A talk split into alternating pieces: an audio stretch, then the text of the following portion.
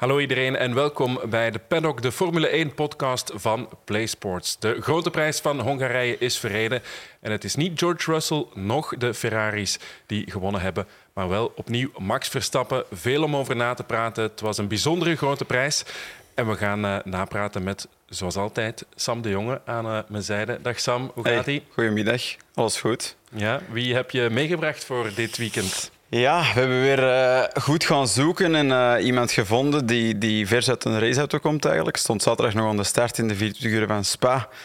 Viel spijtig genoeg heel snel uit, waardoor die beschikbaar werd om vandaag uit te nodigen. En dan dacht ik van, um, dan bellen we de Gilles Magnussen. Dan uh, niet te verwarren met zijn oudere broer Kevin Magnussen. dus ja, welkom Gilles. Merci. Dag Gilles. Hoe gaat het? Goedemiddag. Uh, goed, Alleen Mim, uh, ook, al, ook al is het heel pijnlijk om op deze manier uh, um, de video van Spa te stoppen, zeg maar, na, na twee uur al. Mm -hmm. Ik heb zelfs niet gereden. Maar oké, okay, dat, dat, dat, dat, maakt dat ik hier vandaag wel, wel zit. Dus, Ja, het was, het was goed voor onze winkel. Hè? Voilà. Ons ging direct een belletje rinkelen van... We kunnen Gilles is, is opbellen. Uh, maar je hebt wel gereden tijdens de vrije training en, en, en de kwalificatie, veronderstel ik. Klopt, maar ook daar heb ik eigenlijk heel weinig gereden. Eén, um, om de reden dat ik een schouderprobleempje had. Uh, dus fysiek niet helemaal in orde was, maar ook omdat er heel veel rode vlaggen waren. Ja. Dus sinds kort is er uh, in Spa zijn er enkele veranderingen ge ge gemaakt. Dus er zijn ja. nieuwe zandbakken gelegd ja. voor de veiligheid. En dat maakt dat er echt uh, ja, heel, veel, heel veel rode vlaggen zijn. Dus ik had voor de kwalificatie denk ik vijf vrije rondjes gehad. Um, ik was er eigenlijk helemaal niet klaar voor, eerlijk gezegd. Dus dat was heel moeilijk. Maar oké, okay. kwalificatie is dan al bij al toch nog niet zo slecht verlopen. Ja. Um, en ik dacht dan, uh, voilà, ik ben klaar voor de race. Nu kan ik mijn eigen bewijzen. Maar de race is er nooit van gekomen. Ja, spijtig, want het was de eerste keer dat je de 24 uur van Spa ging rijden, denk ik. Klopt, klopt. En het had een mooie ervaring geweest. Ik had, ik had veel ervaring kunnen, kunnen oppakken om, om, uh, om de volgende jaren op een pro-line-up te zitten. Dus ik zat dit jaar ja. niet op een, op een professionele auto, laten we zeggen. Ik zat met uh, allemaal jonge gastjes van mijn leeftijd die, die weinig ervaring hadden. Mm -hmm. Dat is een manier van Audi om, om mij klaar te stomen, zeg maar, om, om, om op lange termijn wel op een pro-line-up, wel op een, een professionele auto te zitten. Mm. Ja. Maar uh, die ervaring heb ik dan niet kunnen nemen. Maar oké, okay, uh, ik denk, ik, ik, voel me eigenlijk wel al klaar om op een pro-auto pro te zitten. Dus, uh, dus ik kijk al uit naar, naar volgend jaar. Dus, dus jij rijdt de Sprint Cup in het GT3 World Challenge uh, kampioenschap. Het is een hele mond vol. Uh, um, maar je, wat doe je daar nog naast? Want uh, voor de mensen die dat niet weten, ja, vertel ja, klopt. Dus daarnaast, mijn hoofdprogramma eigenlijk is de FIA WTCR. Mm -hmm. um, dus dat is het wereldkampioenschap voor touringcars. Ja. Een prachtig kampioenschap. En sinds dit jaar ben ik daar professioneel voor, voor Audi. Dus sinds dit jaar heb ik eigenlijk een, een professioneel contract met Audi. Dus, ja. dus de autosport is echt, is echt mijn, mijn, mijn fulltime bezigheid en, en mijn broodverdienst. Mm -hmm. Um, en uh, daarnaast, zoals je zei, het, de ingewikkelde naam daar, GTWC Sprint uh, World. Ja. Um, dat, dat, kampioenschap rijd ik ook nog met de GT3's. Ja. Uh, dat is voor mij een iets, iets minder belangrijke programma. Dat is ook ervaring nemen voor, voor eventueel hmm. later op een betere line-up te zitten. Dus het verschil tussen die twee kampioenschappen is het FIA WTCR is een individueel kampioenschap. Ja. Daar heb ik mijn eigen auto, dat zijn sprintraces van, van een half uur. En daar kan ik, uh, kan ik geen ploegmaat, uh, de schuld op de ploegmaat steken. Dat is allemaal mijn schuld als het fout loopt. Uh, maar is het ook allemaal aan mij te danken als ik op het podium sta. Dus dat is een andere ingesteldheid, maar ik hou er wel van. Ja. En dan daarnaast, dus die GT3, dat is met twee op één auto. Mm -hmm. dat zijn sprintraces van een uur, waar je na ongeveer half uur wisselt. Ja. Um, en daar zit ik met een, een, een, een, ploegmaat die ook nog heel jong is en, uh, en onervaren, zoals mezelf uiteraard. Ja. Um, dus uh, daar gaan we niet echt voor de grote resultaten, maar eerder om, uh, om ervaring op te pakken. Bij Santelok is dat dan? Bij Santelok Racing, ja. Dus ja. Santelok Racing is een, een team dat door Audi Sport wordt, wordt ingezet. Okay. In, in dat kampioenschap. In het WTCR, daar moeten we het misschien toch ook even over hebben. Hè? Sam, daar, ja. daar, daar, staat Gilles vierde, denk ik, in het Correct. klassement. Al Correct. twee keer gewonnen. Ja. Klopt. Dit klopt. seizoen. Tot hiertoe een mooi seizoen. Um, en ik denk dat het beste nog moet komen. Dus er zijn nog drie rondes. Uh, volgend weekend, dus ik vertrek binnen, binnen twee, drie dagjes richting uh, Lano Durin.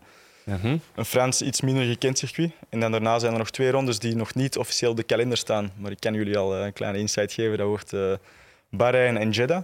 Okay. Um, en dat zijn twee circuits die heel goed zijn voor de karakteristieken van onze auto, laten we zeggen. Dus we hebben een auto die heel goed is op de, op de rechte lijnen. Mhm. En iets minder goed is in, in low-speed rotation noemen we dat. Dus eh, de lage snelheid, de, de manier dat we de, de auto doen roteren, daar hebben we het een beetje moeilijk mee. Mhm. En Jeddah en Bahrein voor onze wagens zijn toch zijn hele snelle circuits, dus, eh, dus dat, ligt ons, dat ligt ons goed.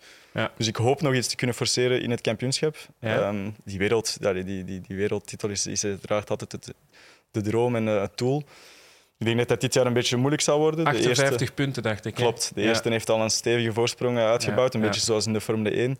Ehm, en die speelt heel het, het, het, het politieke spelletje en zo, het tactische spelletje inderdaad slimmer dan wij toen bij Audi. Mhm. Dus eh, ik, ik, ik geloof er eerlijk gezegd niet meer echt in dat ik die nog kan pakken. Maar zeg nooit nooit. Eh, het is nooit gedaan Hmm. in autosport. Ik kan zo snel draaien en keren. Ja. Ehm, zoals het nu ook heeft gedaan. Ik ben nu vierde in het kampioenschap. Ik stond voor de, de vorige race, ik denk achtste of negende. Ja.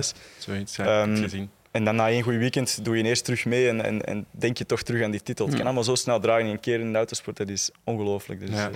eh, En, en hebben jullie al vaak tegen elkaar geraced eigenlijk?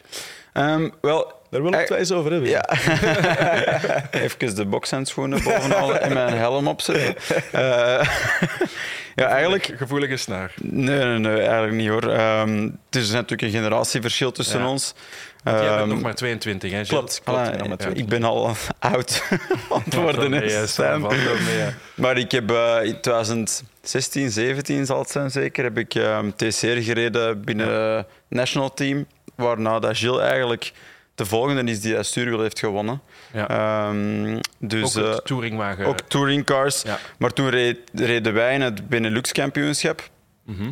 Omdat WTCR is eigenlijk pas opgekomen iets later in, in dat programma van de RACB om daarin in te zitten met één piloot. Want ik moest mijn wagen delen met iemand anders, dus dat was ook niet zo gunstig. Ehm, Ja. Maar ik heb dus even met die touringcars kunnen rijden, voorwielaandrijving, iets totaal anders. Eh, initieel denk ik ook, eh, ik heb ook al eens in een interview van jou gelezen, misschien niet het meest aantrekkelijke als je eraan begint, maar uiteindelijk zijn het wel echt eh, raceauto's. En ik denk als je de klasse begint te masteren, dat het eigenlijk wel heel leuk wordt. En het heeft andere troeven, dat, het voorwiel aangedreven racen. En, en er wordt heel hard gevochten en, en, en ja, het levert mooie races op. Ja, klopt. Ehm, daarnaast hebben we tegen elkaar gereden in het Belkaar-kampioenschap, denk ik, vooral in de proto's. Ja. Ehm, maar ik denk met iets andere eh, insteken qua rijtijd. Onze teams hadden... Ja, bij, bij ons was, was denk ik de rijtijd redelijk eerlijk verdeeld, omdat er nu natuurlijk mensen betalen om, om, om te rijden. Ja. Dus ik werd wel ingezet, maar met gelijke rijtijd. Ik denk dat er bij jullie nogal vaak op de snelste werd ingezet, waar waar Gilles was. Eh, en dan is de kans op binnen iets groter. Dus, ehm, We zijn elkaar nooit op, op, op, op echt het hoge niveau tegengekomen, zeg maar. Nee. Ook door het eh, generatieverschil. ja.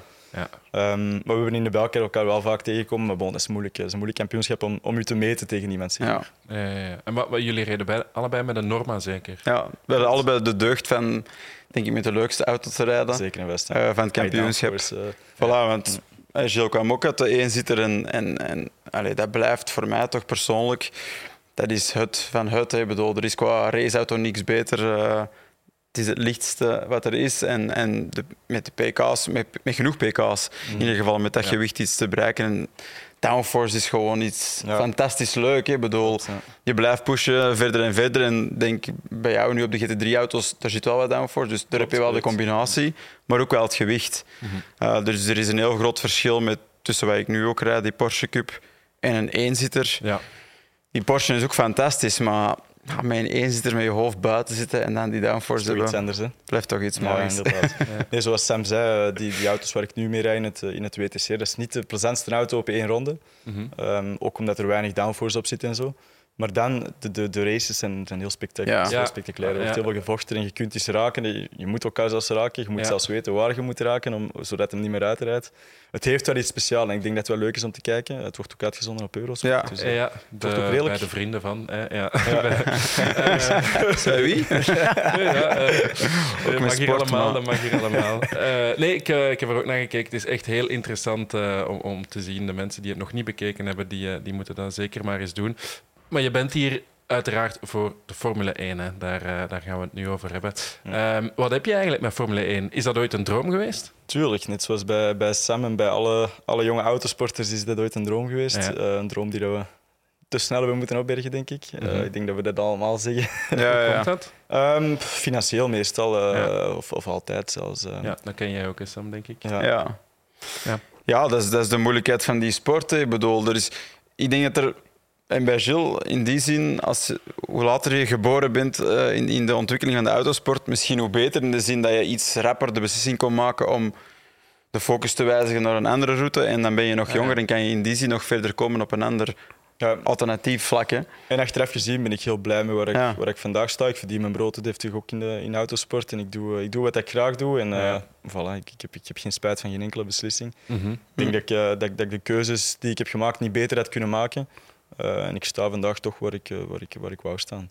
En als je dan zelf aan het racen bent, heb je dan genoeg tijd om de Formule 1 te volgen? Ja, dat is een beetje het probleem. Dus eh, ik kan Ja. vandaag vooral luisteren, denk ik. Eh, mijn kennis is... Gaan beide luisteren naar Stijn. Ja, ik heb ja. ook gekozen om vandaag weinig te zeggen. Dus Oké. Eh, goed, Stijn, dan eh, no kunnen pressure. jullie nu gaan. Ja, ga solo verder. ja, nee, mijn, mijn algemene autosportkennis is uiteraard heel groot. Ik, allee, autosport is mijn leven. ja. Maar Formule 1 is, is, is mijn, mijn Formule 1 kennis is zeker niet zoals die, zoals die van jullie twee, maar ik ga proberen mijn, mijn bijdrage hier te leveren. Ja, zal dat wel lukken. Het zal inderdaad wel, het zal inderdaad wel lukken. Ehm laten we beginnen dan met, eh, met, met de wedstrijd. Eh, je hebt ze wel kunnen inhalen, denk ik. Hè? Klopt, ik heb ze achteraf eh, bekeken. Ja, wat, wat vonden jullie er eigenlijk van? Ik vond het een beetje een vreemde grote prijs. Het was, ik vond het moeilijk om volgen.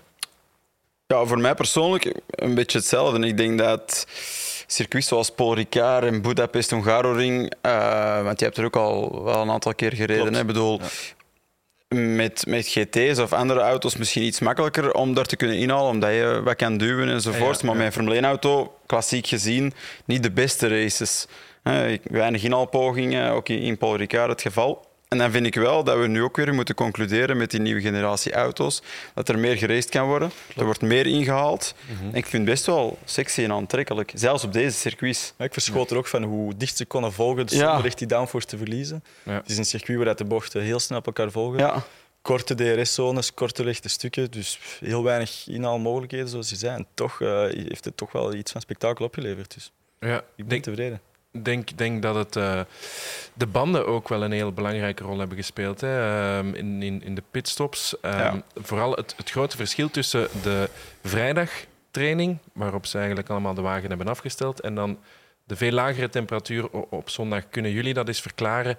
Hoe moeilijk dat, dat is om, om met die temperaturen rekening te houden? Ik denk voor ons dat dat niet zo moeilijk is, maar het is, het is vooral heel moeilijk voor, eh, voor de jongens die de tactische beslissingen en zo maken. Die, Ja. die compound, die bandencompound reageert helemaal anders op, op temperaturen. Ja? En soms, ook op ons niveau, een verschil van 5 graden kan soms een helemaal andere reactie eh, op, op, uw, op uw band eh, veroorzaken. Dus het is, het is een beetje, allee, als, als ze er niet op getest hebben, is het een beetje een gok. eh, en, en zoals we zagen, was dat een volledig foute gok bij Ferrari met die, met die hard compound. Ja, Dus eh, ja, dat, is, dat, is, dat is nog moeilijker voor die ingenieurs dan voor ons, want uiteindelijk hebben wij niet veel te zeggen over, eh, over de bandenkeuze, of Mm. de piloten niet veel te zeggen over de bandenkeuze die gemaakt wordt. ja maar ja, je stelt die wagen af, je, je voelt op vrijdag van oké, ik heb grip. Ja, maar ik denk dat het laatste wat Gilles zegt, dat dat eigenlijk een belangrijk punt is gebleken. Dat, daar zijn ze flexibeler in bij Red Bull. En daar hebben de piloten, lijkt het nog iets meer in, inzicht te hebben en, en, en reageren ze als team snel. Dus Ja. op weg naar de grid, eh, dus de, de verkenningsronde eigenlijk, was Red Bull op de softband. Maar ze gingen dan op de grid switchen naar hard, Ja, normaal gezien. Maar Max Verstappen en, en zo, zowel Max Verstappen als Sergio Perez zeiden na die verkenningsronde van we krijgen die soft zelfs niet, niet op temperatuur. Je kan dat heel snel voelen als piloot. Als Ja. je buiten rijdt met zelfs een band die nog niet warm is, voel je van zou het komen of zou het niet komen, die temperatuur. En die jongens hebben heel snel gezegd, voor ons voelt het alsof dat we, als we nu met een hart st- starten, dan, dan, dan gaan, we, allee, gaan we nergens komen. Ja. En Red Bull heeft daar direct op gereageerd, strategie aangepast, Ja. op de grid eigenlijk. Mhm. Zegt, we gaan op die soft starten. Dan gaan we sowieso een twee-stop moeten doen. Dat was dan beslist. Maar oké, we gaan dat proberen te doen werken. En dat hebben ze bij Ferrari niet gedaan. Ze zijn op die medium gestart. En je moet twee verschillende compounds gebruiken. Dus als ze medium-medium gingen, moesten ze ooit naar hard gaan. Want het was nog 30 ronden te gaan. Dus ze konden nooit naar de soft gaan. Die, die, die heeft soft- Hamilton dat niet gedaan? Medium, medium en dan soft? Wat ben ik nu mis? Ik geloof van wel, ja. Ja, maar ze hebben die medium langer kunnen ja, doen. 32 ronden of zo. Voilà. En, en, En- Ferrari... hebben Maar dat is, dat, is eigenlijk, dat is eigenlijk interessant, want ook zij passen zich aan aan wat er gebeurt in real time in de race. En Ferrari lijkt zich veel te veel vast te houden aan simulaties, aan data die ze hebben waarvan ze denken dat het klopt, Ja. In plaats van gewoon te kijken wat er gebeurt. Of te kijken bij andere teams wat er gebeurt, die de harde band al hebben geprobeerd, zoals Alpine dat had Ja. gedaan in de race. Harde band gezet, zowel Ocon als, Al- als, als Alonso, werkt niet. En Ja. toch kiezen ze ervoor om dat te doen, in plaats van die medium te proberen rekken en dan ineens op de soft te Ja, kunnen gaan. De rare beslissingen van Ferrari blijven toch volgen. Hè? Ja. Eh, er komt geen einde aan. Nee, inderdaad. Het is een Pijnlijk plaat die, die een beetje blijft Ja, heel hangen pijnlijk. Ja, ja, maar wat moet je er eh, op den duur nog van zeggen? Alleen, ik zei het gisteren ook in de uitzending, dat er misschien wel een keer hervormingen gaan komen binnen dat team, dat er koppen gaan rollen. Kan toch niet anders? Ja, zou het helpen? Ja, voilà, want ik bedoel, uiteindelijk de structuur uit een organisatie halen is ook misschien niet dan wat je moet doen. Hè. Allemaal nieuwe mensen zitten. Is het niet het doel om te proberen met de kennis en de mensen die er zijn, om te leren en die lessen toe te passen? Ik bedoel, wat doet Mercedes? Mercedes, heel dat team is al lang bekend van, die ontslaan bijna niemand. Bij Ferrari was dat vroeger inderdaad, er Ja. geen koppen gingen rollen, iemand kreeg de verantwoordelijkheid. Maar helpt het dan? Zou je niet beter gewoon analyseren wat er fout gaat en proberen beter te doen? Dat is toch gezonder? Allee. Ja, ja dat is ook eh, een... Ehm, dus ik vind niet per se dat Binotto nu moet vliegen, maar ik denk dat hij wel iets moet doen aan de manier waarop ze hun conclusies trekken of zo. eh. Ja. Ja, maar dat, het feit dat het blijft gebeuren, wil toch zeggen dat er qua organisatie Dat er weinig- iets, iets fout zit. Ik zeg ook niet dat Binotto moet, eh, moet gaan, want er zijn misschien geen alternatieven voor, voor hem. Maar er zijn mensen onder hem die ook wel verantwoordelijkheid dragen in het nemen van die beslissingen. En die, die tactische blunders die telkens terugkomen, dat wijst toch op een structureel probleem. En dan denk ik, Een procedure, ja, procedureprobleem zou ik eerder zeggen. zou ook kunnen, ja. ja Want dus, ik denk de structuur op zich, bedoel, ze hebben een hele snelle auto gebouwd, dus er Ja, klopt wel. ergens wel. Ik denk de indeling van de resources en, en hoe ze dat doen. Maar Maar er is een verschil tussen een snelle auto bouwen of... En die snelle tactische beslissingen. ja, Voilà. Het is Ja. daar dat ze, dat ze mankeren. hè. Ik denk wat dat op, op den duur ook heel moeilijk is. Als je al twee, drie keer, en dat is zelf als piloot, als je al twee, drie keer een grote flater begaat, dan begint je die, dat zelfvertrouwen te verliezen. Ja. En nog meer die druk te hebben Ja. van we mogen niet nog eens een flater begaan. En als die dan blijven volgen, eh, dat is een, een domino-effect. hè. En dat is als, als rijder heb je dat ook heel hard. eh, Mhm. eh, die momenten dat je al twee, drie keer eraf bent gegaan in de vorige race. ja, ja. Vandaag moet ik me echt op de baan houden. Het is dan dat je nog eens afgaat. Ja, ja, ja. En zeker dan ook nog voor een emotioneel team als Ferrari, wat Ja. we toch vanuit gaan. Inderdaad, dat, dat, Ja, we, wij zitten natuurlijk nu heel hard te kijken naar de details. En elk klein detail dat misschien een aantal races geleden niet zo zwaar werd bekritiseerd, wordt natuurlijk nu ook door ons. Oh, Ferrari weer al, weer al. En het wordt altijd Ja. moeilijker en moeilijker. En elk klein foutje dat ze maken. Want op vrijdag waren ze fantastisch. Maar het was warmer. Ja. En ze hadden, ja, de grootste fout ligt nu altijd in de keuze van die harde band. Ze hadden moeten beseffen van oké, als het zoveel kouder is op zondag en we kijken naar wat er voor ons gebeurt, dan moeten we niet spelen op track position. En dat hebben ze geprobeerd. Ze hebben geprobeerd om Max Verstappen track position te verdedigen. En daar de zogezegde simulatie-redenering toe te passen en die niet gewerkt. Mhm. Oké. Wat kunnen we nog zeggen over Ferrari? Want voor mij... Ja, ik zeg het, het is, een, het is een, een plaat die blijft hangen. Eh, het misschien is dat, dat de zomerstop goed op een Met goed zo'n moment snelle komt. auto. Nog, allee, het kampioenschap is nooit gedaan, maar, maar toch met zo'n snelle auto niet, eh, Ja. niet, niet, niet tot aan die top te kunnen komen, is, is pijnlijk, denk ik. Mhm. Misschien dat de zomerstop... Kan dat eigenlijk helpen? Voor eh, even de koppen terug Ja, bij elkaar te tijd natuurlijk om eh, voor hervormingen, zoals gezegd, en, eh, en, en, en hun fouten te gaan bekijken en, eh, en daaruit te leren. Dat kan misschien helpen, hopelijk. Ja. Ik mag niet hard opvallen, maar ik ben wel een Ferrari-fan, dus eh Ja, is het waar? het is wel pijnlijk om te zien hoe, dat ze, hoe dat ze zich een beetje belachelijk maken. Eigenlijk. eh. ja. Ja. Ja, Het is wel al beter dan de afgelopen jaren, dus dat moet dan wel bemoedigend zijn als Ja, Ferrari. maar tactisch en zo niet. eh, Nee, dat beslissingen niet. blijven. Maar een snelle wagen, dat, snelle dat, wagen is daar dat is- staat Ferrari. Dat is veel gemaskeerd eigenlijk. Hè? Eh, exact. Die snelle wagen is fantastisch. En iedereen, ik denk dat iedereen dat wel voelde, Ferrari-fan of niet. Ik ben ook wel een fan van Ferrari, van de geschiedenis van Amerika. Voilà, En bedoel, weet je, ik- dat kan je toch niet onberoerd laten als je die beelden van vroeger bekijkt. Enzo Ferrari met zijn krantje. En dan pong, pong met zo'n testen. Dat is gewoon, allee, dat, is, Ja. dat is pure autosport, dat, dat team. Ja. Dus is de, ja, het is, je kan zeggen het is toch al beter dan ervoor. Maar allee, het is pijnlijker om even hoog te zitten en dan heel hard te vallen, vind ik, dan als ze gemiddeld hadden gepresteerd. Ja. Ik bedoel, ze hebben een auto om het te doen. Hè, en dat is zo spijtig dat er dan een aantal andere elementen niet op hun plek vallen. Want eerlijk gezegd, hey, als we nu vier races terug in de tijd gaan, waren we allemaal aan het zeggen, Ferrari die gaan hier dit jaar Domineren. die gaan hier domineren. Dat is wat ik verwacht had. En kijk waar we nu staan. Ja. Ik bedoel, na 13 Wat races zeggen we plots puntenverschil nu, eh, tussen, 80. eh, 80. 80, 80 stuks, punten. Dat is toch een beetje game over. Ja, ja. Ja, dat is... Ja. Dat is, dat, is game over eigenlijk. Ik had het wel nog eens opgezocht. Er zijn wel nog 242 punten te verdienen als ik goed gerekend Bon, zelfs, heb. Want het verschil tussen de eerste en de tweede plaats is 7 punten, geloof ik. Ja.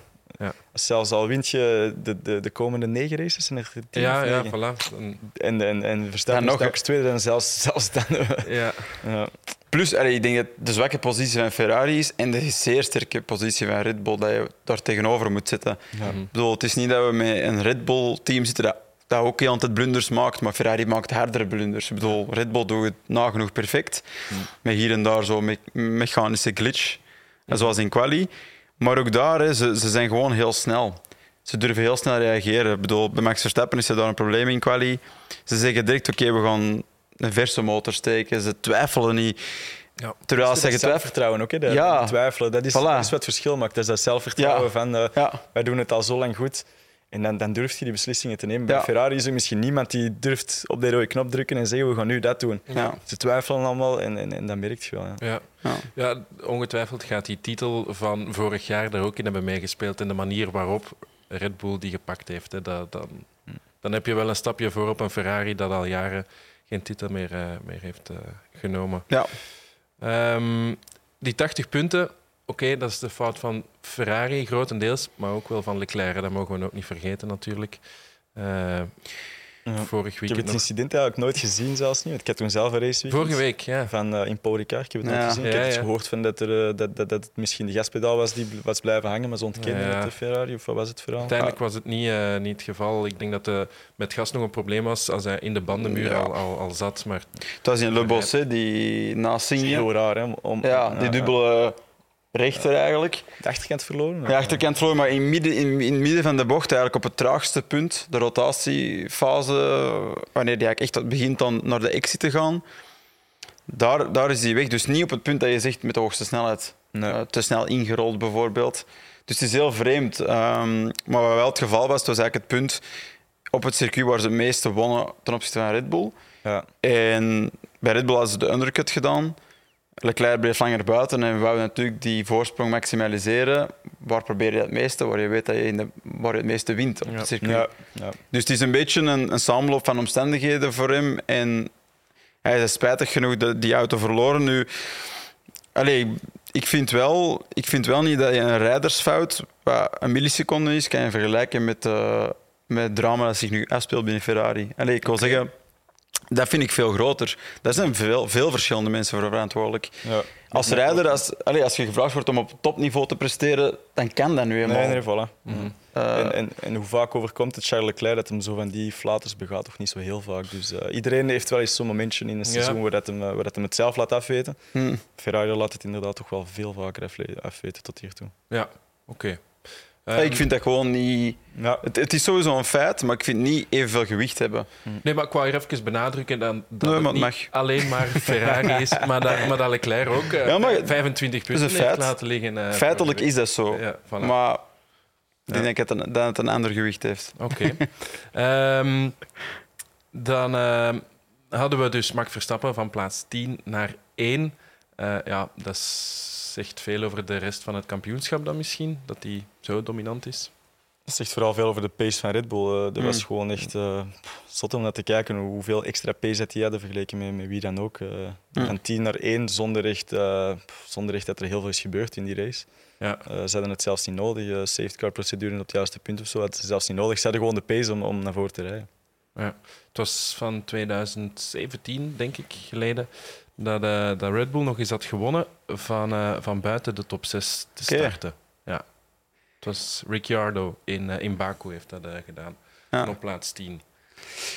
Ja, ik denk, ik denk dat bij Red Bull inderdaad soms... We zouden bijna vergeten van er veel over te zeggen, omdat het zo effortless lijkt, dat het zo makkelijk lijkt. Ja. Maar het zijn net die details die we bekritiseren bij Ferrari die niet kloppen. Die Ja. bij hen dus wel kloppen. Dat snel reageren op situaties. Dan naar de grid rijden en luisteren naar hun piloten. Terwijl ze rijden naar de grid met het plan om op hard te starten. Ze doen dat omdat hun simulaties zeggen dat zou moeten werken. Daar is Ja. lang over nagedacht. Dat is niet uit de lucht gegrepen. En als dan uw piloot zegt, ik denk van niet, dan vind ik het wel balzie om als team te zeggen, ik volg de piloot. Ik vind dat knap. En dat zegt ook wel veel over de vertrouwensband die er dan is tussen, eh, de, de enige persoon die in de auto zit. Ja. En al de rest die, die niet in de auto zitten. En Mhm. ja, daarin zijn ze gewoon heel sterk. Ik denk dat, zeker met Max Verstappen en het team, ik denk bij Perez is, is, is, het, is het weer een beetje een bergaf aan het gaan. ja, hij is wel nog goed teruggekomen in de wedstrijd. Hè. Ja, Goed, ja. maar ook weer een beetje door, door, door het falen van de rest, denk Ja, ik. ja. Ja, ik denk, allez, om even eh, kort over Perez iets te zeggen. Initieel in het seizoen was hij snel. Ja. Eh, met een auto die meer onderstuurd was en dat werkte voor hem. Ja. Maar ze zijn die auto aan het ontwikkelen naar, naar Max Verstappen. Max- nee, ja. Die houdt van die scherpe voorkant, die kan omgaan met, die, Die met dat er overstuur. En het begint weer terug verder weg te gaan van de Sergio Perez-rijstijl. Wat spijtig is voor hem, want hij, hij was eindelijk op, ja, leek dat hij mee op het niveau van Max Verstappen zat. Ja. Ja. ja, en dat is toch wel een beetje een vraagteken voor Bull. Hè, van hoe gaat dat ontwikkelen? Want een piloot die niet naar Q3 kan gaan in quali met zo'n snelle auto, dat is toch de Ja, vraag van wat moet je daarmee doen? Ja. En denk je dat ze de beide dezelfde kansen hebben? Ik denk het. Ik denk, we gaan de rol anders eens omdraaien, aangezien jullie de kenners zijn. stellen. Nee, denk je dat ze beide eh, dezelfde auto krijgen? Ik denk wel dat ze dezelfde auto krijgen, maar ik denk wel dat de input van de feedback absoluut dominantie bij Max Verstappen ligt. Dat is ja. een goudhaantje. En Voilà, Die staat ook 80 punten voor. Voilà, bedoel, die zal het ook altijd doen. Daar moeten we ook eerlijk in zijn. Max Verstappen en Sergio Perez, dat is niet op hetzelfde niveau. Nee. Ehm, Een felle foutje gemaakt. ja, ja. De spin. gesprint. Ah, ja, ja. Ja, dat is snel opgelost. Hè. Ja, Ja. dat was redelijk snel opgelost. Daar praten we zelfs niet over. Echt? Als je de race wint, eh, dan mogen jij nog drie keer Ja, spinnen, echt, uit. inderdaad. Ja, dat is, dat is ja, nog meer tekenend voor, voor de overmacht van, eh, Ja, van Red Bull. maar ook wel wat geluk gehad dat hem die snel heeft kunnen recupereren. Ja. Stel je voor dat je rondstaat en 10 seconden verliest om je terug te ja. roteren. Ja, wie met Dat is dat Ah. geluk? Ja. Ja, het gebeurt vaak hè, dat, hem zo, dat hem een spin heeft, dat hij het een terug Ja, op of, zijn vier in Brazilië daar in dat omstandigheden eh, ja, ja. had hem die toch ook nog in de goede richting. Misschien is er wel een manier voor eh, om die dan terug eh, op de juiste manier recht te krijgen. Ik weet niet. denk, ik denk dat hij gewoon zoveel feeling heeft. Ja. En allee, ik bedoel, we moeten het ook niet romantiseren. Sommige dingen die vang je op en die zijn geluk. Ja. En dat ziet er dan mooi uit op tv, maar je weet dat van jezelf. Zoals moment in, in Brazilië daar, toen hij 17 jaar was. Ja. Dat hij zo die lange... Ja, het is ook eh, deels geluk. Ik, ik vond dat dat, dat hij redelijk eh, veel werd overhyped, eh, terwijl hij ja. gewoon het, het stuur tot op de lok eh terug naar een andere Voilà. kant zitten. Voor hetzelfde geld gaat er rond. Ja, voilà. Of voor hetzelfde geld een meter vroeger stopt dat met, met, met rollen. Dat vind ik, ik vind dat ook. We moeten dat allemaal niet, maar tegenwoordig met sociale media, alles wordt geromantiseerd. Voilà, Eh, om, om zoveel mogelijk likes te hebben. Maar ehm, Het is anyway, he did it. He did it. om erin te Ja, geloven. ja het, was, voilà, het, is, Voilà. Het, is, het is een mooi verhaal om dat nog te winnen. Ja, voilà, voilà. Eh, nog een mooi verhaal. Mercedes. Ehm 2 en 3. Ja, goed, voor Russell is het misschien iets minder mooi, want wel eh, van op de pole vertrokken en dan derde geworden. Maar zijn ze terug? Ja, als je zegt, Gilles, dat je een Ferrari-fan bent, ben je dan geen Mercedes-fan? Of wat is daar? Want eh, zo, Nee, de nee, tegenstelling nee. is vaak eh, ik heb waar. heel veel respect voor Mercedes. Eh, allee, eh, het is een, een merk dat zo lang heeft gedomineerd en ze beginnen toch terug in de game te komen. Hè. En, Ja. en ook daar loopt het weinig fout. Ze hebben het allemaal zo onder controle en eh, stap per stap komen ze dichter en dichter in. Ik Ja. denk, ik geloof dat ze tegen het einde van het seizoen echt volledig terug in de game zullen zijn. Eh, ze, ze hebben zelf gezegd dat het in Spa al zou moeten kunnen. Ik ben benieuwd. Wordt gezegd. Ik vind, ik vind het een beetje snel en, en ik denk dat, Mercedes blijft bij een auto zitten die, die moeilijk is om te begrijpen. ja. Ja, voilà, een basis die... Ze hebben heel goed gereageerd en dat, Ja. dat, dat, dat duwt ons een beetje weg van de analyse van... Dat we beginnen denken van, ze hebben nu een auto die perfect is. Die auto is in die zin niet zo hard veranderd. Ze kunnen dat ook niet van op de basis veranderen. Dus ik denk dat ze heel, heel, heel slim hebben ingespeeld op een aantal dingen. Ze hebben die purposing redelijk goed opgelost. Maar ze blijven toch ook zeggen van tussen de ene sessie en de andere sessie switcht soms de balans zo hard. Nou, Zoals jij zelf zei, van hoe hard het kan verschillen met banden met een aantal graden verschil. Dat gebeurt er ook bij hen. Ambient temperature, badtemperatuur. En dat heeft allemaal zware invloed op die auto. Dus ik, vind nog niet, ik denk nog niet dat ze in de positie zitten dat ze kunnen zeggen we kunnen constant vooraan Voilà, zitten. het is geen auto die constant zal kunnen meedoen. Eh, Als alle omstandigheden Ja. meezitten, dan zullen ze erbij zijn. Maar op het Ja. moment dat er iets verandert, dan eh, zijn ze terug eh, waar, ze, waar ze niet thuis horen. Ja. En, en, en het is net, ze zetten wel stapjes vooruit, maar soms weten ze niet waarom ze een stapje gezet hebben. En Dat dat, is nu net wel belangrijk. Een slecht teken, ja. Ja, dat je- In de autosport, dat eh, data-gedreven sport, Ja. eh, zeker op Formule 1 niveau. Er Ja. zijn zoveel hele slimme mensen die daar aan het analyseren zijn. Als je het dan niet kan vinden, dan, dan kan je nog winnen, maar dan... ah ja, Of niet winnen, maar dan, kan je nog een poppositie rijden. Maar dan is dat nog een beetje zo'n akelig gevoel van, oei, Ja. waarom? Ja. Wanneer, wanneer gaat het werken, wanneer gaat het niet werken? Wel straf vond ik van eh, Lewis Hamilton. Die zegt, die zegt gewoon rechtuit: ja, mocht ik een goede kwalificatie gehad hebben, dan had ik wel kunnen winnen. Die gaat dat toch niet zomaar zeggen? Ik denk niet dat hij de snelheid had om, om, om, om Verstappen achter zich te houden. Hè. Hij zei, of hij zei dat hij alleszins kon meedoen voor een overwinning. Maar ja, Als je tweede wordt, dan doe je zo gezegd mee. Hè? Maar ja. ik denk ook dat... We hebben nu een Red Bull zien winnen, maar zonder dat ze hebben moeten reageren op een aanval van Mercedes. Ja, ja. Ik bedoel, Als ze ook nog eens hadden gereageerd, dan Voilà. hadden ze nog harder gedomineerd. Ja, die- inderdaad. Ik bedoel, ze, ze hadden waarschijnlijk toch iets gedaan om het te counteren. Dus nee, dat, ik geloof het niet, maar het is gewoon wel heel bemoedigend. En dat blijft toch wel respect afdwingen van iedereen. Dat ze, dat Ja. ze zo snel een hele slechte situatie omdraaien. Wat Ferrari eigenlijk tegenovergestelde doet. Een hele goede situatie omdraaien naar iets slecht. Ja. dat is zo. Ja. Maar daar hebben we het al vaak over gehad. Ja, over ik Ferrari. toch nog Ja, laten we, laten we het over iets Ja, ik wil Gilles ook niet te hard kwellen. dat hem nog eens terugkomt. Eh, maar wel chapeau voor, voor Mercedes dat ze dan zijn blijven vasthouden aan dat design zonder die sidepods, toch? Vind ik wel. Ze hadden iets anders kunnen gaan doen. Ja, ik denk, ik denk dat er ook niet echt een keuze is om het helemaal om te draaien. Ik bedoel, de sideboard design hangt dan vast met de rest van de auto en waar de koeling zit en hoe dat je motor in elkaar zit en hoe dat allemaal geplaatst is en Ja, je ja. vloer. En, allee, het, is, het, is, het is niet een aantal elementen op elkaar gezet. Hè. Het is, Het is allee, pakket. Hè. geïnspireerd op elkaar en, en het werkt enkel met elkaar. eh. dat is het moeilijke als je nieuwe regulations hebt en je, en je maakt een auto en die is heel goed, top. Je weet, voor de komende jaren ga je kunnen werken met dat concept. Maar als dat dus niet het geval is, we hebben Mercedes initieel toch het, zo leek. Nou, dan is de vraag of dat je dat volledig kan omdraaien. Kan je er, zo'n, kan je er een dominante auto van maken? Dat, dat wordt toch moeilijk, denk ik. Oké. Ehm, dan moeten we het ook nog over het nieuws van de dag hebben. We hadden daarmee ook kunnen beginnen eigenlijk, hè, maar we hebben het Ja. gespaard tot nu. Het eerste nieuws van de week of het, het, het- van de dag? De bombshell. De van bombshell. dag. Zeg het maar, Sam. Ja, Fernando Alonso die, die heeft getekend bij Aston Martin. Mhm. Dus die neemt de plek van Sebastian Vettel in. Mhm. Ze ruilen twee wereldkampioenen om in die zin. Ehm tja, ik, ik verschoot er toch van. Ja. Ik zag de visual, ik denk op Instagram. Ehm, en ik dacht dat het hem op was. Ik dacht dat het een Ja? meme was of zo initieel. Snel Van, gegaan, ja, ja. Het is Ik, ik, had, ik had het al gelezen voor het weekend dat dat een, eh, een mogelijkheid zou zijn om hem te vervangen. Maar toen dacht ik van dat is weinig waarschijnlijk. Die gaat toch niet weggaan bij Alpine. Alpine dat aan het opkomen is. Aston Martin dat het. Ik zou in lange termijn ook meer vertrouwen hebben in Alpine dan, eh, dan, dan in Aston. Oké, wij hebben niet alle insights en eh, er zit ook heel veel geld achter Aston met onze vriend uh, Laurens Stroll. Maar Ja, Ja, toch zou ik meer, meer geloven in de toekomst van Alpine dan, dan Aston als ik er mijn geld op moet zetten. Maar bon, je weet niet wat, eh, wat onze vriend Fernando heeft eh, voorgesteld Ja. gekregen met Ja. een, grote, een grote baas als Laurens Stroll, die dat toch eh, diepe zakken heeft. Dus eh, ja. Ja. er zal wel een interessante deal eh, in zijn, eh, zijn voorgeschoteld, waar dat hem, niet, eh, waar dat hem geen nee tegen kon zeggen op, op, op 41-jarige leeftijd, ja geloof ik. Of, eh, 41. Chapeau. Ook Ja. knap om te zien hoe dat hij nog steeds zo competitief is. Het is Ja. ondanks zijn leeftijd. Als je dan ziet, Vettel is toch niet meer de Vettel die dat hij ervoor was. Mhm. Ook qua, qua, qua motivatie denk ik niet meer dat hij, dat hij degene was dat hij ervoor was. En, en Alonso is toch nog steeds, nog steeds op, op zijn top. Hè. Ja, dat, dat blijft gewoon een pure, pure winnaar. Het is ook daarom dat hij naar Aston Martin wil, naar eigen zeggen. Ja, kan moeilijk ook anders zeggen dan dat. Maar ehm, hij gelooft ook erin dat er geen enkele ander of geen enkel ander team zoveel investeert Hm.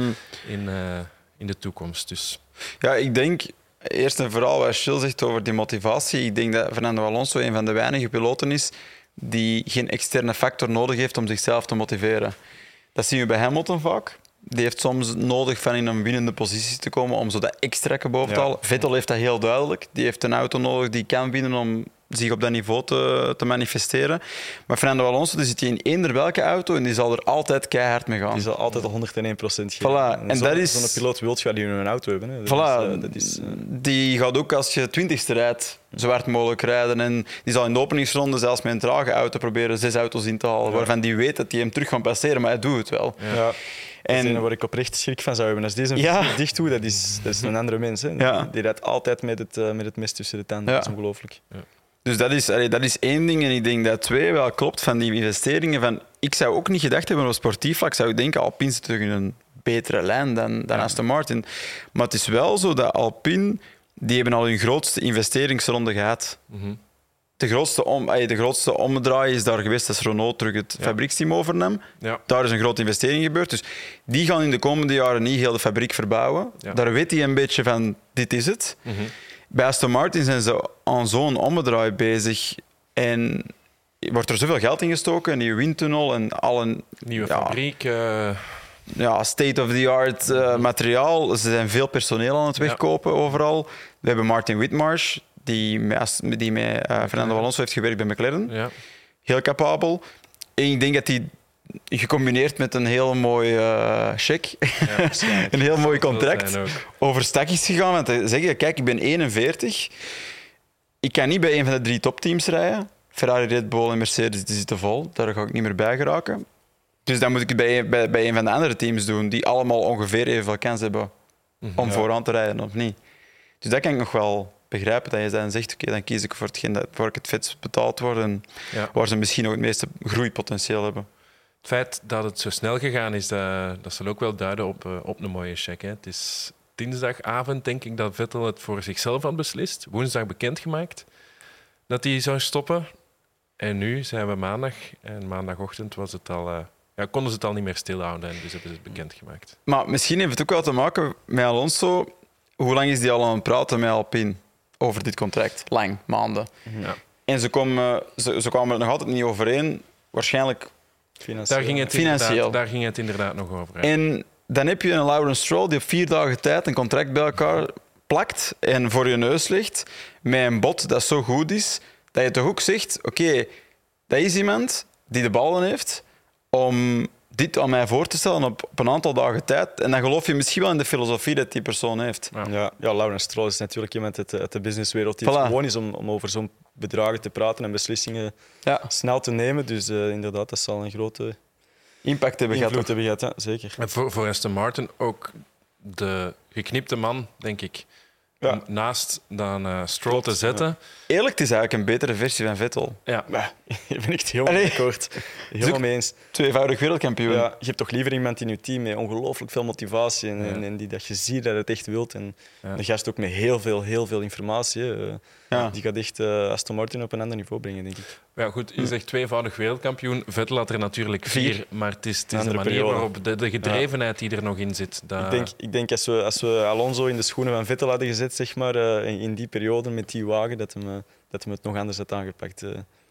Ja? Ja, ik, ik klink je nu als een, als een Vettel-hater, dat is helemaal niet het geval. Ik heb heel veel respect voor Ik Vettel. ga wel zien in de comments. Hij heeft voor Ferrari. Ja, ja, ja, ja, ja. Ja, ja, Nee, voilà. nee, echt niet. eh. Ja, inderdaad. Mensen zijn heel gevoelig eraan. Hè. Dus, eh, maar, Sorry, alle Ja, ja, Vettel-fans. alle Vettel-fans gaat er een aantal Ik op ben het ook een dak. Vettel-fan geweest. Ja. Maar ehm, ja, misschien moeten we even naar, Vettel, naar het onderwerp Vettel gaan. Hè. ja, want het is wel, een- het is wel een eh, ja, persoonlijkheid die we Hm, kwijt zijn in de. Formule 1. Allee, de, de laatste jaren met die actie van dat vuil opruimen eh, allee, en zoveel meer eh, voor- iedereen dat opkomt. eh was het Save the Bees of, of zoiets? Ja. Ook. Hem ook, eh, Hij heeft veel eh, dingen Veel gered. veel, veel, ja.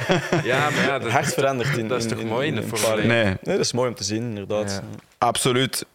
Het blijft een beetje de vraag, en dan ben ik eh, een beetje advocaat van de duivel. Begin je dat meer te doen wanneer je voelt dat je minder competitief wordt? Omdat Om je aandacht te, te, te zoeken. Ja, maar ook omdat, het- omdat je dan meer ruimte hebt daarvoor. Ik bedoel, als je in de piek van je, van je carrière zit, moet je niet met zo'n dingen bezig Nee, zijn. voilà. En, en heb je dan eigenlijk ook niet echt de focus om dat te doen. Ik Dus, zou als, als, als teambaas eh, niet graag zien dat een van mijn piloten eh, zeg maar, al die acties meedoet. Ik zou liever hebben dat hij Ja? zich focust op, op wat dat hem, dat hem zou moeten doen en waarvoor dat hem belachelijk veel geld betaald wordt.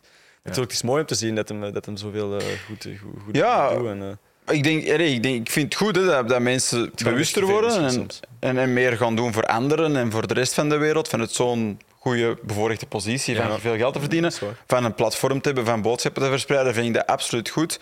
Maar ik denk dat ze, dat ze het vaak niet kunnen doen, omdat ze zoveel media duties hebben. Eh, ik denk dat zelfs al bij jullie in 2TCR zijn Ja. er best wel wat media duties. Kijk dan naar de Formule 1, Ja. dat is maal 10. Ja, dat is belangrijk. Ik bedoel, ze krijgen ook niet echt veel ruimte om veel terug te doen. Dus ik denk dat Vettel het voor zichzelf op een bepaald moment heeft beslist van kijk, het rijden is iets minder aan het worden. Ja. Ik voel dat ik ook andere dingen in mijn leven wil bereiken, wat ze echt zo goed terecht is. En, en hij is er in een mooi voorbeeld geweest. En hopelijk blijft hij in die zin wel geconnecteerd met het Formule 1-wereldje en kan hij misschien op een ander vlak nog heel veel bereiken. Hè. Ja. Dat, dat, dat pure winnaar zijn van in die periode bij Red Bull, dat is er eigenlijk bij Ferrari ergens zo'n beetje uitgegaan, lijkt, lijkt mij toch heeft ook nog een mooie periode bij Ferrari gehad. Wel, ja, maar op het einde, het laatste... Uh, laatste dat is gevoelig voor Ferrari. Ja, sorry, sorry. En alle, en alle volgende...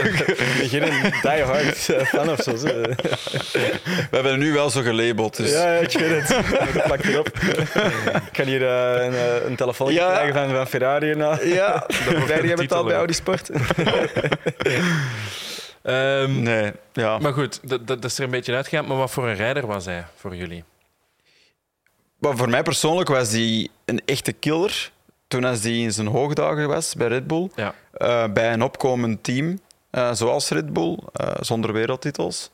Um, en ik denk dat hij... Ik heb hem dan leren, leren kennen, ik heb hem ontmoet in ja. 2010, in mijn eerste jaar in de autosport, in de Formule Renault, hadden wij een, om kort te schetsen een, een, een schema samengesteld om sponsoring te zoeken, sponsorblokjes te verkopen. Uh, dus mijn auto ingedeeld in pixels. En iedereen mocht dan een blokje kopen of meerdere blokjes. En dan kon je één waar je wilde opzetten. Foto, spreuk. Ja. Um, en ik was toen ook met Red Bull België, met Stefan Bittes, uh, Jet Import, in contact. En zo geprobeerd van, kunnen we dat in de aandacht brengen. Mm -hmm. En dan uh, hebben we in Zandvoort hadden we raceweekend, denk tweede raceweekend. En hem kunnen strikken. Er zijn foto's van. Ja, er zijn foto's van. Er is een heel ja. filmpje ook van. Dus dat die... Uh, ja, waarin, waarin ik mij eigenlijk laat zien van kijk, we hebben een website gemaakt, zo en zo moet je het doen, zo kan je iets kopen. En uh, ik was toen nog heel jong, dus voor mij was dat nieuw. Ik had ook geen, geen echte ervaring met camera's. En hij was ook nog heel jong en nog geen wereldkampioen. Ik denk dat dat het eerste jaar werd dat hij wereldkampioen ging worden, in 2010. Was toen heel jong, maar dat heb ik in de uitzendingen dit weekend ook gezegd, al wel heel slim. Ja. Je kan dat gewoon voelen wanneer dat iemand matuur is. En ik heb zo, voor mij is Vettel nooit ouder geworden. In de zin van, wel misschien op sportief vlak, ja. maar die was wel altijd clever. En als je zijn eerste invalbeurt dan zag, uh, in Indianapolis was dat, voor BMW Sauber, en direct punten pakte op... 2007. Hoe oud was hij toen? Ja. 2000, uh, toen was hij 18, 18, denk ik. Dat was al zo... Ik weet niet. Dat zei veel, denk ik, over, over de, het talent dat hij had en, en, Ja. en de intelligentie dat hij had. Ja, in ieder geval, hij is toen dus mijn eerste sponsor geworden op die auto, wat wel echt een cool, cool leuk verhaal was. Hij heeft mijn helm getekend, heb ik toen laten spuiten. En dan zijn we daarmee in Villa van Tilt geweest. En diezelfde Met avond... met helm? Nee, met die helm. ja, meegepakt. Die een pinch hebben? Die was toen nog zo onbekend dat dat ging. Dus ehm, die wilde toen nog op de Belgische televisie komen. Nee, die helm meegepakt. En eh, ik heb er toen één dag mee gereden om opnames te doen voor die uitzending. En die nacht is die uit de kabinet waar die in lag gepikt. Oh, dus waarschijnlijk oh, iemand echt die... eh, want die, die kabinet is toen teruggegaan van... Was Villa van Tilt in Kortrijk naar Kalmthout, waar ik woonde. En met mijn ouders woonden ook. En op een oprit, niet eens onze oprit, van iemand anders, zaten al onze spullen voor die avond, eh, tafeltjes en van die Red Bull ijskasten enzovoort, laptops en die helm lag er ook in. En enkel die helm is daar toen uitgepikt. En we hebben toen lang gezocht en toen was toen nog jong en die handtekening stond erop en eh, ik was wel een beetje hard, al- heel heartbroken geweten. En een helm is, is belangrijk voor, voor de En piloot. Zeker als de, als de, de handtekening Voilà. van Vettel erop staat. Dus dat was wel... Dat was mijn eerste contact eh, en eerste herinnering aan Sebastian Vettel. Dus in die zin wel een hele goeie. Ik heb hem altijd wel heel hard geapprecieerd, ja. Maar dus voor alle duidelijkheid, hij heeft jou gesponsord en in dat jaar wordt hij wereldkampioen. Ja, klopt. Dus aan iedereen zeggen, die hè? wereldkampioen wil worden, kan bij Sam terecht. Ja, Eh, exact. Een goeie. eh, wie dat ooit misschien wel wereldkampioen gaat worden, eh, is Oscar Piastri. Ik Ja, laat de naam kans vallen, krijgt, want hè. er komt een plaatje vrij natuurlijk hè, bij Alpine. Ja. Heb jij tegen hem geraced? Ik heb tegen hem geraced in, Ah, in de karting. Hij is zelfs eh kind of mijn, mijn ploegmaat geweest. Ja. We hebben vaker eh, het podium gedeeld in de karting, dus ik ken hem redelijk goed. Ja, Ik en hoop echt dat hij de kans krijgt, want het is... eh, het ik is- hoop dat ook. Ga dat eerst Ja, Topper. Toch, hè. Eh, Ook down to earth, die gast. Echt eh, een, een, een toffe kerel. Niks veranderd tegenover eh, wanneer ik hem kende. Wanneer ik hem kende waren we tussen de 12 en de 15. Ja. Mhm. In de laatste race dat ik tegen hem gereden heb, ik hem verslagen uiteraard. eh. Ehm, was het eh, X30 wereldkampioenschap. Werd hij derde, werd ik tweede. Uh, dat zijn toch mooie herinneringen. Het is leuk om te zien dat, dat, hij zo ver is gekomen. Ja. Uh, ik zit hier ondertussen met jullie in de studio, ook, ook heel fijn hoor. Maar, ja, ja, ja. ja, knap, uh, ja merci. Hè. Ik denk met, 44 minuten zijn we rond ongeveer. Met de kampioenenmaker. ja, kampioenen, voilà. Toch ook knap. Nee, ik hoop echt dat hij de kans krijgt. Hij had die al eerder moeten krijgen. Het is, het, het is spijtig om te zien dat hij dit jaar geen zitje heeft nadat hij Formule 2 zo heeft gedomineerd. En drie. En drie, klopt. Ja. ja. Ik denk dat iemand is die heel goed overweg kan met, de, met, de, met de auto's met veel downforce. Mm -hmm. Aangezien hij ervoor eigenlijk niet heel competitief was. Ik denk het jaar voor de Formule 3 heeft hij Formule Renault 2.0 gereden. Uh, heeft hij dat ook niet gewonnen? Niet van het eerste jaar in ieder geval. Ah, ik, denk, ik, denk, zelfs dat hij op een gegeven moment... Uh, maar Formule 4 heeft hij Frans, ja. zoals jij hebt gereden? Nee, heeft geen Frans. Geen Academy gereden? Nee, ik denk okay. dat hij direct gestart is in de Formule Renault 2.0. Okay. En daar niet zo heel competitief was eigenlijk het eerste jaar. Okay. Uh, in vele situaties zou het, het verhaaltje daar al stoppen. Mm -hmm. uh, ja, ja, ja, het het moeilijk is om, om financiële middelen te vinden en verder ja. te gaan. Maar vanaf dat hij in de Formule 3 terechtgekomen is, wat dat ineens wagens zijn met een heel stuk meer downforce, was die niet te kloppen. Oké, okay, hij zat natuurlijk ook bij de goede teams, hij zat altijd bij Prema. Mm -hmm. uh, maar dan nog, vanaf daar is hij beginnen domineren en ik geloof echt dat hij de, een toekomstige kampioen is. En ik hoop het, ik gun het hem van harte. Wat is dan volgens jou het verschil in route? Want uh, waarom, waarom is die er wel geraakt? En, en uh, als je uit de karting komt en op hetzelfde niveau zit, hoe loopt zo'n verhaal dan anders, denk je? Ja, uh, ik denk dat het heel veel gaat om, om wie dat je tegenkomt en, en wie dat je leert kennen. Hij is bij Prema in de Formule 3 terechtgekomen. In, zo'n geprivilegeerde ja. situatie heb ik nooit gezeten. Ja. Misschien was het dan anders afgelopen voilà, het zijn, het zijn kleine, kleine beslissingen en kleine contacten die je hebt of niet hebt, die dan maken waar je, waar je terechtkomt. Maar zoals ik in het begin al zei, ik ben heel blij waar ik vandaag sta. En ik, ik verdien mijn brood ook met autosport. En ja. ja, ja, tuurlijk. mag niet klagen. Nee, nee. Ik zou, ik zou ook niet klagen als ik dat als job kan, uh, kon doen. Nee, maar het is, het is wel, het is wel ergens, het is wel ook gewoon realiteit dat het is leuk om te zien dat hij zo ver komt en dat, dat je hem hebt gekend, maar het is ook pijnlijk soms. Hè? Ik bedoel, van, Je beseft ergens van... Ik denk dat ik er al over ben over het dat, ik het pijnlijk vind. Op een gegeven moment uh, is dat wel zo'n beetje van als je die Formule 2 kampioens die, die zie winnen en denkt echt van... Of jongens die, die, die, die een stuk slechter... Want Oscar is, is, is, is altijd heel goed geweest en misschien zelfs... Ik durf zelfs te zeggen dat hij beter is op bepaalde vlakken. Mm -hmm. uh, maar er zijn ook jongens die, waarvan ik weet dat ze, dat ze, dat ze niet het talent hebben dat ik heb en, en, en die daar ook heel ver komen. Door, uh, door, door de financiële hulp uh, die ik misschien niet gehad heb, uh, of niet in die mate. Ja. en dat is pijnlijker dan, dan, dan iemand die echt apprecieert en iemand die, waarvan je weet dat hij talent heeft zover te zien komen. Ja, dat blijft, dat blijft spijtig aan de autosport. En dat is, Klopt, dat is gewoon hoe, hoe dat het... Gaat niet snel veranderen in die zin. Nee, dat is nee. gaat alleen maar de foute richting uit. Ja, ja dat, wordt alleen maar erger. Ja. wordt erger en erger, dat klopt. Ja. Um, voor, voor Piastri dan. Uh, Alpine zou wel een uh, ja, superleuk team zijn om binnen te komen hè, in de Formule 1. Ja, allez, ik denk, denk in, in, de, in de zin dat we er net al zeiden, van dat we vinden dat dat, dat team op zich in de stijgende lijn aan het gaan is, ja. komt hij op het juiste moment toe. Ja. En kan die misschien direct, want ook dat is zo dat kantelpunt van als gigantisch talent aangekondigd worden, die eerste jaren zijn cruciaal. Hè? Ja. Je moet eigenlijk toch in een auto zitten dat het kan, want anders dan kan je even snel terug weg zijn. Klopt. Ja, behalve als je uh, George Russell heet.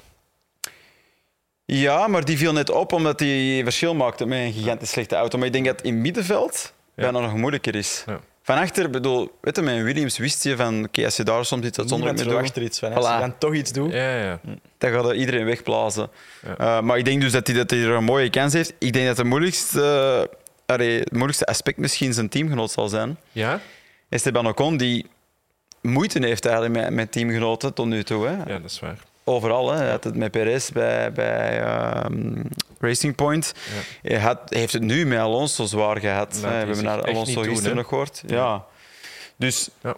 ik denk dat Piastri beter is.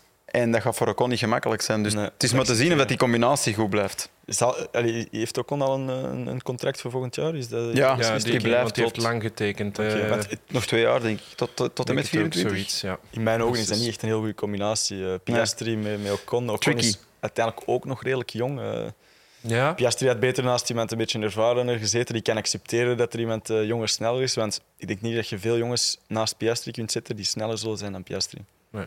Een jonge gast die, die zoveel motivatie heeft, die echt in de, in de Ja. flow, in de running zit, Ja. die gaat daar iedereen, eh, iedereen wegblazen. Maar je zegt de flow heeft wel een jaar aan de kant gestaan. Heeft dat dan veel invloed daarop? Ja, echt, echt volledig aan de kant gestaan ook weer niet. Die zal wel, eh, Ja. Alpine zal die wel bezighouden. Ja, Ehm, en eh, dat heeft misschien eigenlijk nog maar gezorgd voor meer motivatie. En ik denk, ik denk eh, je verleert het niet snel. eh. Hmm. Die zal er van de eerste race bij zijn, denk ik. Of hoop ik dan toch. Ja. Ja, ik hoop het ook. En iemand die dat ook uh, hoopt, is ongetwijfeld Mark Webber. Hè. Dat is wel handig als je zo iemand achter je hebt. Ja, zoals Schilder net ook zei, ik bedoel, het is echt vaak waar je komt. En het pijnlijke van die autosport is dat om met dat niveau van mensen zoals een Mark Webber in contact te komen, moet je eigenlijk al bij een topteam kunnen tekenen, ergens in de Formule 3. Mhm. Als je dan bij Prema tekent, die baas bij Prema kennen weer een, een scala aan mensen waarmee je dan toevallig eens in contact komt. Je zit bij een goed team, je presteert goed. 1 plus 1 is 2. Ja. En dat is het probleem als je bij de mindere teams, zal ik maar zeggen, de minder geprivilegeerde teams zit, dan kom je nooit met, met die mensen in contact.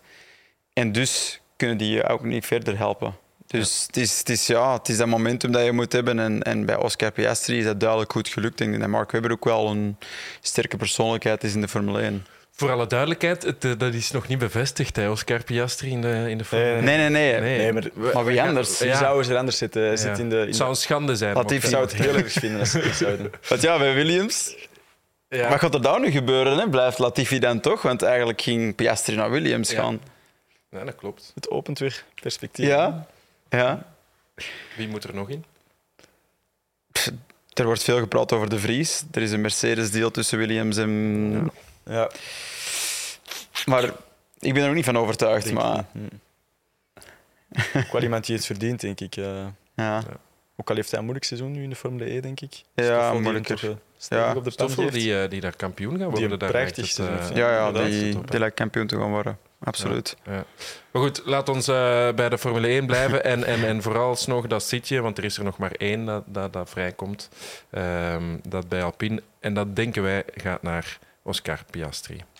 Um, een team dat strijdt met Alpine. Momenteel voor um, het middenveld in het klassement. McLaren, laten we het ons daar nog eens over hebben. Um, weer een groot verschil tussen beide piloten. Zevende en vijftiende. Goh, het moet moeilijk beginnen worden voor Ricciardo. Allee, beginnen. Het is al zo lang bezig. Ja. Hij is er misschien al aan gewoon geworden. Maar dat, is, allee, dat blijft toch zeker een jongere ploegmaat. Ja. En het is, niet, het is niet dat hem twee tiendekes en tiendeken heeft. Het is echt, uh, ja. bam, elke keer opnieuw uh, wordt hem volledig met de grond gelijk gemaakt. En dat is wel pijnlijk. Ik denk Norris is een van de grootste talenten op, uh, op, op de grid momenteel. Mm Iemand die dat van jonge leeftijd altijd heeft gedomineerd, die ik ook uit de kartingjaren ken. Mm. Ja. Die recht... Ah, heb je er ook tegen gereden? Uh, niet tegen gereden. Dus uh, hij is van dezelfde leeftijd, maar toch zet hij altijd een, een categorie in hoger al. Ik ben iets later begonnen ook. Ik ben er iets later ingestapt. Dus iemand die altijd een derogatie had om al bij de grotere jongens te rijden, omdat hem de jongens van zijn leeftijd eigenlijk gewoon belachelijk maakte. Ja. um, en dan in de formulewagens heeft hem die, heeft hem die trend doorgezet en heeft hij altijd blijven domineren. Mm En nu, uh, het is iemand die ook heel weinig fouten maakt, een hele clevere gast voor zijn leeftijd. Ja. En daarnaast, uh, daarnaast ook een persoonlijkheid ja, die, die, die, iedereen, uh, die iedereen leuk vindt. Uh, iemand, iemand die u wel kan laten lachen, denk ik. Ik wil wel eens een pintje mee gaan drinken. Mee. ja. ja. ja, sowieso. Ik zou dat ook wel willen doen met Ricciardo. Alleen nu in het interview na de wedstrijd gisteren. die zit echt diep. Dat was echt, er werd hem de vraag gesteld: kijk je uit naar de zomerbreak? En hij stond al te knikken: ja, ja, ja, ik wil er even mee stoppen denk, ik denk ook, wij, wij kunnen ons dat niet inbeelden. Hoe, de druk. Wij misschien een klein beetje, maar zelfs als je op ons niveau al, eh, al, al een paar races achter elkaar niet presteert, die druk en, en, ja. ja. dat, is echt, dat is echt heel moeilijk. En, en op dat niveau is het iets helemaal anders. Je hebt dan miljoenen mensen die kijken, miljoenen mensen die commentaar geven. Ja. Mhm. En poh, dat moet echt uh, ongelooflijk zwaar zijn. Ik ben blij dat ik niet in zijn schoenen moet staan. Je, je kon dat eigenlijk ook al afleiden uit uh, die zegen in Monza, was het, dacht ik, vorig jaar? Of Vorig jaar, ja, want we hadden ons vergist in de vorige podcast. Toen we zeiden dat Gasly had gewonnen in Monza met Alfa Tauri. Dat was 2020. En 2021 was, ook een speciale Grand Prix met Ricciardo die won. En toen zei hij al voor de tip trouwens in de comments. Uh, we werden even op ons plaats gezet bij en deze. Dat is, en dat is goed zo. dat hoort. We weten niet alles, absoluut niet. Voilà, voilà. Uh, en daar hoorde je toen al van, voor iedereen die dacht dat ik uh, vertrokken was, ik ben er nog. En daar was een deel frustratie. Ja. I'm still here. Heel even. I, I never left. I, never, left. Ja, ja. ja. Maar eh, daar voel je al dat hij er dan toch mee zit met, uh, maar, met de druk. En sindsdien is het eigenlijk nog... Ik denk dat iedereen die sport op topsportniveau, waar dat de sport je leven is mhm. en de rest van je leven bepaalt, dat niet presteren alle levensvreugde wegpakt. Alles, over de hele lijn. Je kunt dat niet relativeren. Nee, dat is echt, alles is slecht. En dan Ja, kan je ja. nog een leuk... Dan kan je nog zoals Ricciardo binnen zijn, want die is financieel binnen, Ja. nooit meer werken. Hij heeft een aantal heel goede contracten getekend, waaronder bij Renault. Ehm, en ik denk bij McLaren nu ook. Mhm. En toch maakt dat allemaal niet meer uit op dat moment. voilà, dat is Ik een bedoel, gezonde mens. eh, we hebben die, beseft, Voilà. die, allee, die beseft waarschijnlijk niet in wat voor een goede situatie dat hem zit. En toch, inderdaad, zoals gezegd, je kunt dat niet rel- relativeren. Dan. Dat is echt het ergste dat er kan gebeuren. Mhm. niet, niet, niet performant zijn en, en, en er niks tegen kunnen doen. Want het is toch iemand die dat zich al bewezen had ervoor. Ja, een van sowieso. de enige Ja. ploegmaten die, die Verstappen een beetje baas kon. Absoluut. Ehm, en Vettel, hè? Ja. En Vettel, eh, Vettel op zijn plaats heeft gezet Ja. zelfs. Mhm. Ehm, en dan eh, naast Norris, ik denk Norris is een gigantisch talent, maar toch, het verschil is wel heel groot. Voilà, dat, dat je dan zegt, je zit er twee tienden vanaf, Ja. tot daar aan toe. Maar, maar het, is, het is echt gewoon, hij wordt doodgeklopt. Hè. Ja. Ehm, Maar hoe komt dat? Is dat omdat eh, die auto gebouwd is naar Norris? Of, of het, het gebrek- het gebrek aan vertrouwen? Ik, allee, persoonlijk denk ik dat, dat. We hebben dat bij elk team bijna gezien. Hè, dat we, we hebben al veel gezegd. Die nieuwe, die nieuwe generatie auto's die zijn meer onderstuurd. Zwaarder, Ja, groter, ja, ja. chunkier. Moeten we meer geduld mee hebben. Je kan er minder mee aanvallen zoals we in de vorige generatie zagen. En bij sommige piloten werkt dat beter dan bij anderen. En bij Ricciardo lukt dat ook nu weer minder goed te werken. Ja. Natuurlijk, voordien met McLaren lukte het ook al niet. Nee, Vorig jaar. Dus allee, ik wou het net zeggen. allee, wat is het dan? Is dat dan dynamiek? Is dat... Is dat... Dat je in zo'n slechte cyclus terechtkomt, Mm. dan, dan, pff, dan, dan lukt er niks meer. hè. Je moet er En- zien uit te geraken. Maar. Ja, En, en we hadden dan gehoopt dat, dat die Monza misschien ervoor ging zorgen dat hij eruit ging geraken, maar ook niet blijkbaar. Wat we ook natuurlijk mee moeten oppassen. Zack Brown is de manager ook van, eh, van eh, Norris. eh, wacht, de patron van McLaren. Ja, En is en... ook de, de, de, de, de, ja, de manager van Norris. Ja, Dus, ja. Dat is ook iemand dat ik niet helemaal vertrouw. Ik ken hem niet persoonlijk, hè, maar als je, als je die zo ziet, ik zou, ik zou er niet van verschieten. En Norris wel, eh, zeker nu de situatie waar hem in zit en ze zien dat Ricciardo niet presteert, Ja. dat hij wel eh, een beetje... eh, allee, Het is een vicieuze cirkel ook wel, hè, want hoe slechter Ricciardo toe, hoe meer ademruimte dat Norris krijgt exact. om het nog beter te doen. Ja. en dat doet Ricciardo nog harder naar beneden. En als je dan een management inderdaad achter je hebt staan, die ook nog eens team, een stuk teammanager, eigenaar zijn, Ja, dan wordt het wel alsof dat je alleen ervoor staat. Hè. Mm, Ehm, en ik denk dat Ricciardo zich misschien daar wel heel eenzaam voelt. Ja, wel, de vraag is nu, die zomerbreak, gaat hij daar de tijd vinden om... om, om Maar wat gaat hij daar vinden? ja, Nee, goed, maar dan gaan we er, Surfplank en, en een beetje water, maar... ja, maar dan gaan we er dus vanuit dat hij het tot het einde van het seizoen op deze niet manier gaat doortrekken. Ja, ik En- geloof niet dat hij plots, eh, Nee. plots die snelheid gaat vinden. hè. Het is hem wel gegund. Allee, om Ja. even duidelijk Iedereen gunt het hem. Het is een Prachtige Sowieso. persoonlijk. prachtige Ja. persoonlijkheid. Ook weer iemand die de Formule 1 toch een stuk positiever en toegankelijker Ja. heeft gemaakt. Netflix heeft hij zijn rol gespeeld waarom dat mensen nu van de Formule 1 meer houden Ja. eh, en kijken. Dus ik bedoel, de credits to, to him. Maar ik, ik zie er ook gewoon geen echte uitweg Nee. buiten de exit. Ja, inderdaad, want alleen, daar zijn dan al veel speculaties over. Hij zegt zelf dat hij absoluut nog wil blijven. Hm. Maar ze willen daar een Amerikaan, denk ik. Hè? En op deze manier... Ja, ze zijn natuurlijk in IndyCar eh, prominent aanwezig. Zullen daar een aantal sponsors hebben die misschien eh, op beide vlakken willen sponsoren. En die vereisen dan dat er een Amerikaanse piloot instapt. Ja. Amerika wordt belangrijker voor de Formule 1 en Zack Brown is iemand die is uit een- de marketingachtergrond komt. Dat is een dus- markt dat ze nog niet echt hebben, die Amerikaanse Voilà. markt. Hè. En dat, is, eh, dat is waarin waar heel veel potentieel zit. Ja. Dus, eh, Ja. Why not, hè? heeft er allemaal heel veel mee te maken. Spijt genoeg, het is niet puur de snelheid die, die telt. Nee. Maar ja, goed, bij Ricciardo is het, valt het te verantwoorden om hem momenteel te vervangen, want de, de snelheid is er, is er gewoon niet. Er is Ja, natuurlijk ik- een contract. Tot wel. Ja, die zijn er volgend jaar. omgebroken, Ja, toch? ja, zeggen ja, ze toch dat is altijd. Hè? Oké, dat is duidelijk, Stijn, wat je positie ten opzichte van contracten is.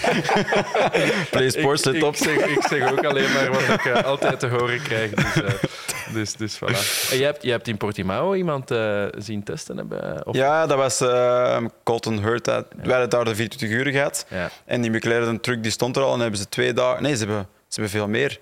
Twee dagen daarna begonnen ze dan... eh, de volgende dag begonnen ze dus voor twee dagen testen met Colton Hurta.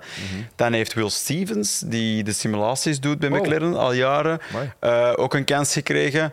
En dat zit in een soort van programma, en ik ben de naam even kwijt. Historical eh, McLaren Program, zoiets. Met, met, met, met gedateerde auto's, maar gedateerd van vorig jaar. Ja, niet heel historisch en niet zo gedateerd. Ehm, krijgen ze dan de kans om, om mee te testen, om data te vergaren en, en, enzovoort. Ehm, dat is een nieuw programma dat ze hebben opgezet. En dan heeft, ehm, ik denk, Pato Ward ook nog getest. Ja. Dus ja, ze zijn duidelijk hun opties aan het overwegen. Hè? Ja, ik denk dat Will Stevens wel geen optie is. Nee, nee inderdaad. heeft hij ook niet GT3 en zo Klopt, ik heb met hem een GT3 op een gegeven moment gereden. Ja. Verschoten van hoe klein het was. Ja, dus zelf, klein. zelf niet zo'n grote, maar ik denk dat hij iets in een meter 50 is. Uh, wow. Echt extreem, uh, extreem klein. Wat dat, wat dat zeker geen nadeel is nee, in, in onze wereld. Man. Ja, ik heb tegen hem nog gereden in de karting, lang, lang geleden. Hij was altijd snel, maar ook stinkend rijk. Dus was nooit een probleem om zitjes te kopen. Dus in die zin, ja, ik labelde dat niet altijd als even groot. Nee, voilà. Ja. Dat. Het is niet simpel natuurlijk. Nee. Je, allee, je, krijgt snel zo'n label zoals, zoals iemand als Stroll. Uh, ja. Het is moeilijk om, om, om het om, onderuit te komen, ja, dat is ook een feit. Ja, ja onduidelijk dus. Ik denk, dat, ik denk dat we er uh, dat we moeten afronden. De tijd uh, raakt stilaan op. Ja. Dus uh, ik ga jullie bedanken voor, om hier te zijn. Um, en Gilles, ik ga jou nog vragen, wat mogen we jou wensen? Waar, waar droom je eigenlijk nog van in de autosport? Goh, uh, op korte termijn droom ik zeker van die FIA WTCR-titel, dus die wereldtitel. Ja. Um, op lange termijn, ik zie uh, Le Mans, LMDH uh, heel erg groeien en alle merken die richting uitgaan. Okay. dat is dan de hypercar. Dat zijn de hypercars, ja. klopt. Ja. Het is nu niet zeker of Audi daar naartoe zal gaan, maar toch, ik droom en ik hoop dat natuurlijk met Audi, maar en, en anders met een ander merk die richting uit te gaan en, en, en daarin groot te worden, daarin door te groeien. Ja, we gaan alvast supporteren uh, daarvoor. Okay, merci. Uh, Sam, um, wat mogen we jou wensen? Want jij gaat ook nog veel koersen nu deze maand. Hè? Ja, klopt. Uh, Assen dit weekend, dus uh, dat mogen mij al wensen om daar te winnen. Ja, dan gaan we dat bij deze doen. dat is de Porsche... Ja, Porsche Cup ja niet gemakkelijk tegen Harry King, die daar uh, ja. aan de leiding rijdt en ook de Porsche Supercup in de top 3 zit. Dus uh, mm -hmm. test heel veel, rijdt heel veel en is heel, heel getalenteerd. Dus dat is onze referentie. Maar um, begin me beter en beter te voelen in die auto. Het is iets compleet anders. Mm -hmm. Maar ik probeer mijn hoofd er helemaal naar te vormen en, uh, en het juiste te doen. Dus dat is uh, op korte termijn en dan vier uur van Zolder. Ja. Met, uh, met Racing. En de rest van het kampioenschap. En dan zullen we nog wel zien wat er dit jaar komt. Hè. Okay. Ook heel veel succes daarmee. Geniet Thanks. van, van die zomerbreak. Um, Bedankt voor het uh, kijken of luisteren naar de paddock. De paddock is er terug het uh, laatste weekend van augustus. Dan is Dennis Saet weer um, hier op deze stoel. Dus bedankt en graag tot de volgende keer.